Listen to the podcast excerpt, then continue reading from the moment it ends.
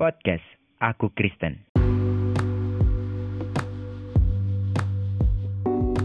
Shalom sahabat Kristen.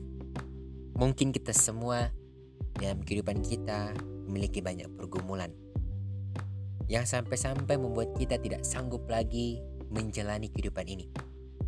Tetapi firman Tuhan mengingatkan kita dari surat Yakobus pasal 1 ayat yang kedua sampai yang ketiga.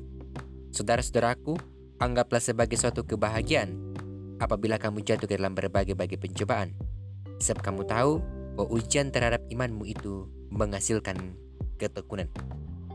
Dikatakan di sini bahwa apa yang kita alami itu merupakan suatu kebahagiaan. Karena ketika kita tetap bertahan dalam pencobaan itu, maka iman kita akan melahirkan namanya ketekunan. Dan di ayat yang keempat dikatakan, dan biarlah ketekunan itu memperoleh buah yang matang, supaya kamu menjadi sempurna dan utuh dan tak kekurangan suatu apa pun.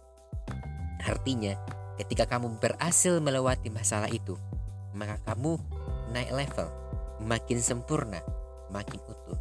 Jadi ketika ada pencobaan itu lagi, kamu tidak takut lagi, kamu sudah bisa mengendalikan masalah itu. Karena kamu sudah menjadi sempurna dengan masalah itu. Kamu telah utuh.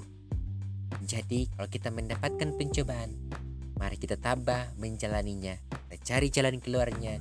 Kita tetap bersandar sama Tuhan.